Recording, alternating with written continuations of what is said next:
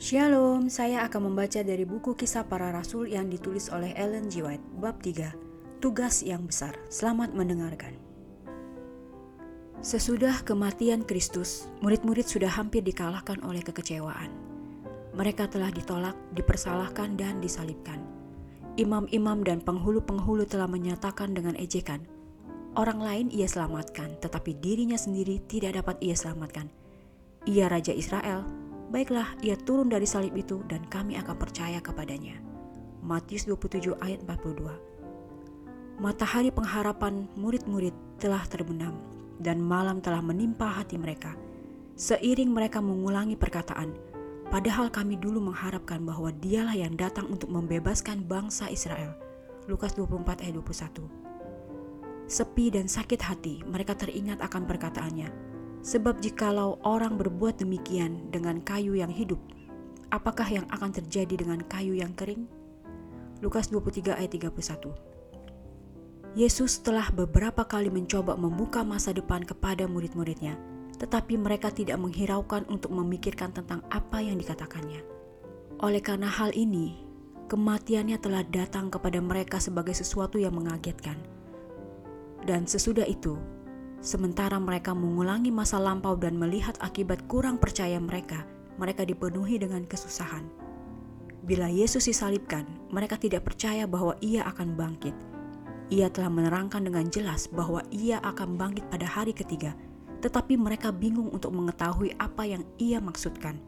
Kekurangan pengertian ini meninggalkan mereka pada waktu kematiannya. Ketiada harapan sama sekali. Mereka sangat kecewa.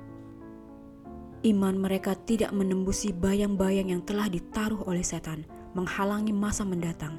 Semuanya tampak samar-samar dan rahasia kepada mereka. Kalau mereka percaya pada perkataan Kristus, betapa banyak kesusahan dapat mereka hindarkan. Diremukan oleh kemurungan, kesusahan, dan putus asa, murid-murid bertemu bersama-sama di ruangan atas dan menutup serta merapatkan pintu-pintu takut bahwa nasib guru mereka yang kekasih menjadi bagian mereka. Di sinilah juru selamat sesudah kebangkitannya menampakkan diri kepada mereka itu.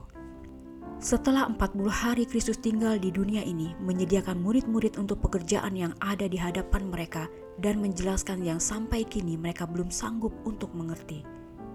Ia mengucapkan nubuatan-nubuatan tentang kedatangannya, penolakannya oleh orang-orang Yahudi dan kematiannya, menunjukkan bahwa Tiap-tiap perincian dari nubuatan-nubuatan ini telah digenapi.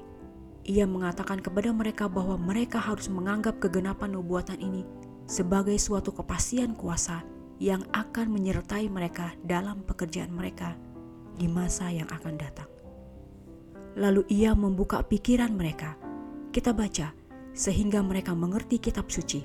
Katanya kepada mereka, ada tertulis demikian, Mesias harus menderita dan bangkit dari antara orang mati pada hari yang ketiga.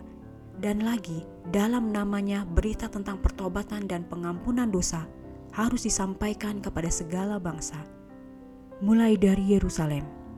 Lalu ia menambahkan, kamu adalah saksi dari semuanya ini. Lukas 24 ayat 45 sampai 48. Selama hari-hari yang digunakan oleh Kristus dengan murid-muridnya, mereka memperoleh suatu pengalaman yang baru Sementara mereka mendengar Tuhan mereka yang kekasih menjelaskan kitab suci dalam terang dari semua yang telah terjadi, iman mereka kepadanya dikuatkan dengan sepenuhnya.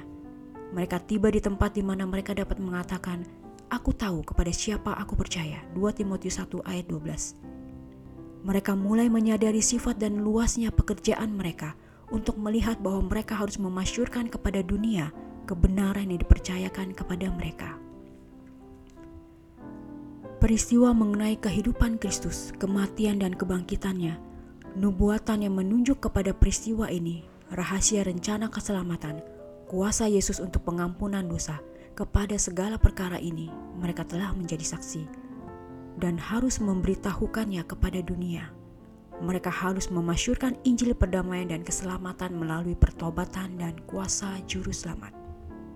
Sebelum naik ke surga, Kristus memberikan kepada murid-muridnya tugas mereka. Ia mengatakan kepada mereka bahwa mereka harus menjadi wali dari kehendak dalam mana ia mewariskan kepada dunia harta kehidupan yang kekal. Kamu menjadi saksi tentang hidup pengorbananku demi kepentingan dunia, katanya kepada mereka. Kamu telah melihat pekerjaanku bagi Israel.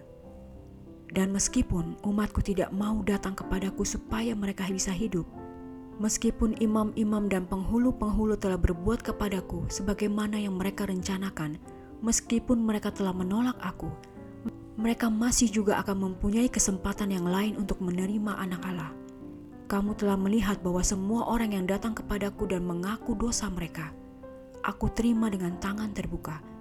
Ia yang datang kepadaku sekali-sekali, aku tidak akan menolaknya. Kepadamu, murid-muridku, aku serahkan pekabaran kemurahan ini. Hal itu akan diberikan kepada orang-orang Yahudi dan orang kafir, mula-mula kepada Israel, dan kemudian kepada segala bangsa, bahasa, dan kaum.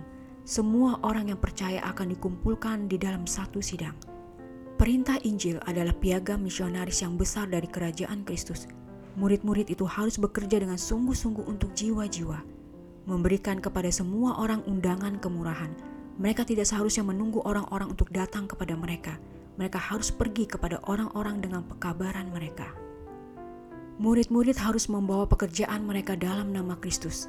Tiap-tiap perkataan dan perbuatan mereka adalah untuk menekankan perhatian pada namanya seperti mempunyai tenaga vital oleh mana orang berdosa itu boleh diselamatkan. Iman mereka terpusat kepadanya yang menjadi sumber kemurahan dan kuasa. Dalam namanya mereka harus mempersembahkan permohonannya kepada Bapa dan mereka akan menerima jawabnya.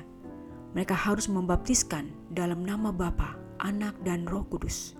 Nama Kristus harus menjadi semboyan mereka, tanda keagungan mereka, tali persatuan mereka, kuasa untuk tindakan perbuatan mereka dan sumber kemajuan mereka. Tidak ada sesuatu yang dapat dikenal dalam kerajaan yang tidak membawa namanya dan tulisannya. Bila Kristus mengatakan kepada murid-murid, "Pergilah kamu di dalam namaku untuk mengumpulkan ke dalam sidang semua orang yang percaya." Ia hanya menegaskan kepada mereka perlunya mempertahankan kesederhanaan. Makin kurang kemegahan dan pertunjukan, makin besar pula pengaruh mereka untuk kebaikan. Murid-murid itu harus mengucapkan dengan kesederhanaan yang sama dengan mana Kristus telah berbicara. Mereka harus memberi kesan kepada para pendengarnya pelajaran yang diajarkan kepada mereka. Kristus tidak mengatakan kepada murid-muridnya bahwa pekerjaan mereka tidak sulit. Ia menunjukkan kepada mereka persekutuan kejahatan yang besar yang diatur melawan mereka. Mereka akan berperang melawan pemerintah-pemerintah, melawan penguasa-penguasa, melawan penghulu-penghulu dunia yang gelap ini, melawan roh-roh jahat di udara. Efesus 6 ayat 12. Tetapi mereka tidak akan dibiarkan untuk berperang sendirian. Ia memastikan kepada mereka bahwa ia akan berserta dengan mereka, bahwa kalau mereka mau pergi dengan iman, mereka akan bergerak di bawah perisai yang maha kuasa. Ia meminta kepada mereka untuk menjadi berani dan kuat, karena seorang yang lebih kuat dari malaikat-malaikat akan berada pada sisi mereka, jenderal tentara surga.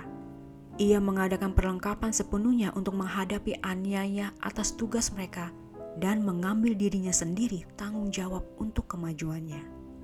Selama mereka menaati sabdanya dan bekerja sehubungan dengan dia, mereka tidak dapat gagal. Pergilah kepada segala bangsa, ia perintahkan kepada mereka – Pergilah ke tempat yang paling jauh yang dapat dihuni dan pastikanlah bahwa hadiratku akan ada bersama-sama dengan dikau di sana. Bekerjalah dalam iman dan keyakinan, karena waktu tidak pernah akan datang bila aku meninggalkan dikau. Aku akan bersama-sama dengan dikau selama-lamanya, menolong dikau untuk melakukan pekerjaanmu, memimpin, menghiburkan, memuaskan, menolong engkau, memberikan kepadamu kemajuan dalam mengucapkan perkataan yang akan menarik perhatian orang-orang lain ke surga. Pengorbanan Kristus untuk manusia kepentingan lengkap dan sempurna. Syarat perdamaian telah dipenuhi. Pekerjaan untuk mana ia datang ke dalam dunia ini telah dilaksanakan. Ia telah memenangkan kerajaan itu. Ia telah merebutnya dari setan dan telah menjadi wali segala perkara. Ia adalah dalam perjalanannya ke tahta Allah untuk dihormati oleh bala tentara surga.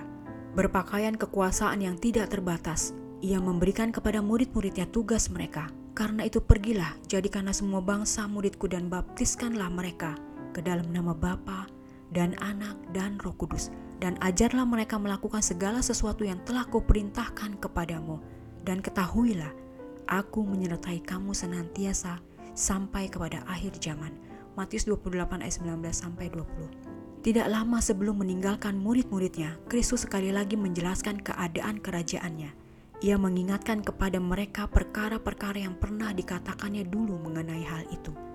Ia menjelaskan bahwa bukanlah maksudnya untuk mendirikan dalam dunia ini kerajaan sementara. Ia tidak ditunjuk untuk memerintah sebagai raja dunia di atas tahta Daud. Bila murid-murid bertanya kepadanya, "Tuhan, maukah engkau pada masa ini memulihkan kerajaan bagi Israel?" Jawabnya, "Engkau tidak perlu mengetahui masa dan waktu yang ditetapkan Bapa sendiri menurut kuasanya." Kisah 1 ayat 6 sampai 7. Tidaklah perlu bagi mereka untuk melihat lebih jauh daripada kenyataan yang telah diadakannya untuk dilihat oleh mereka. Pekerjaan mereka adalah untuk memasyurkan pekabaran Injil. Kehadiran Kristus yang dapat dilihat sudah hampir ditarik dari murid-muridnya, tetapi pemberian kuasa yang baru adalah bagian mereka. Roh Kudus harus dikaruniakan dalam kepenuhannya, mematraikan dia untuk pekerjaannya, dan aku, kata Juru Selamat, akan mengirim kepadamu apa yang dijanjikan Bapakku. Tetapi kamu harus tinggal di dalam kota ini sampai kamu diperlengkapi dengan kekuasaan dari tempat tinggi. Lukas 24 ayat 49. Sebab Yohanes membaptis dengan air, tetapi tidak lama lagi kamu akan dibaptis dengan roh kudus.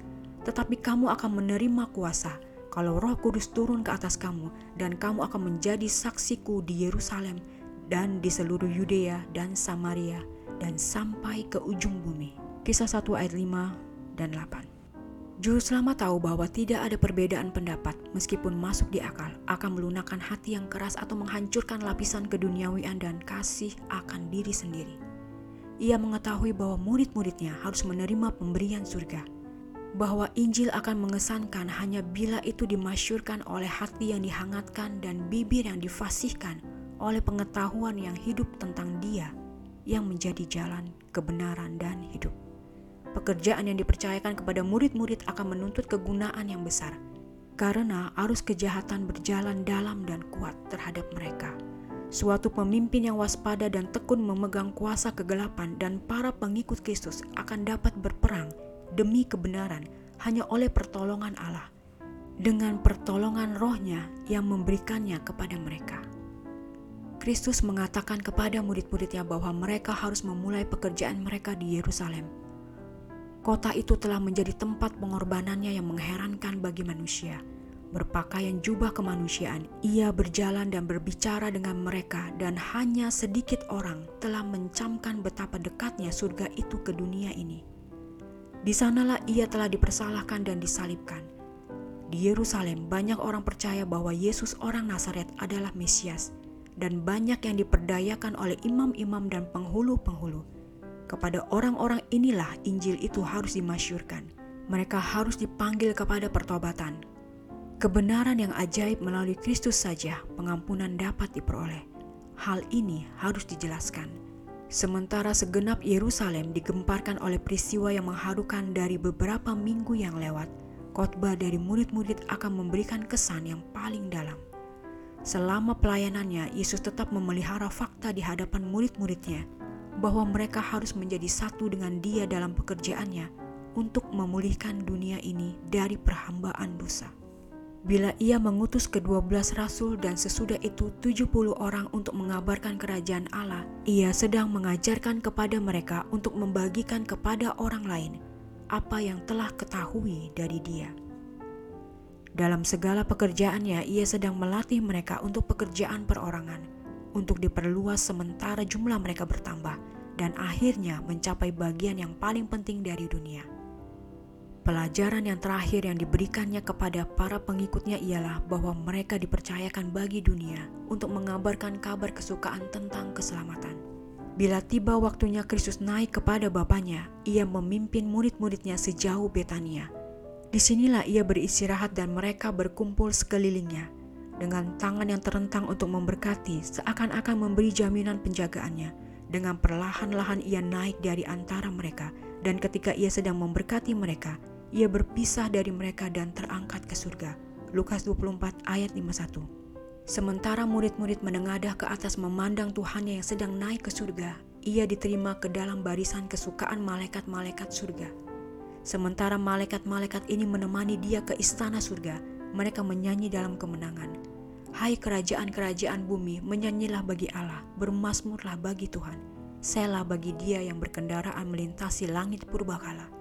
Akuilah kekuasaan Allah, kemegahannya ada di atas Israel Kekuasaannya ada di dalam awan-awan. Mazmur 68 ayat 33 sampai 35. Murid-murid sedang memandang dengan sungguh-sungguh ke surga ketika tiba-tiba berdirilah dua orang yang berpakaian putih dekat mereka dan berkata kepada mereka, Hai orang-orang Galilea, mengapa kamu berdiri melihat ke langit? Yesus ini yang terangkat ke surga meninggalkan kamu akan datang kembali dengan cara yang sama seperti kamu melihat dia naik ke surga.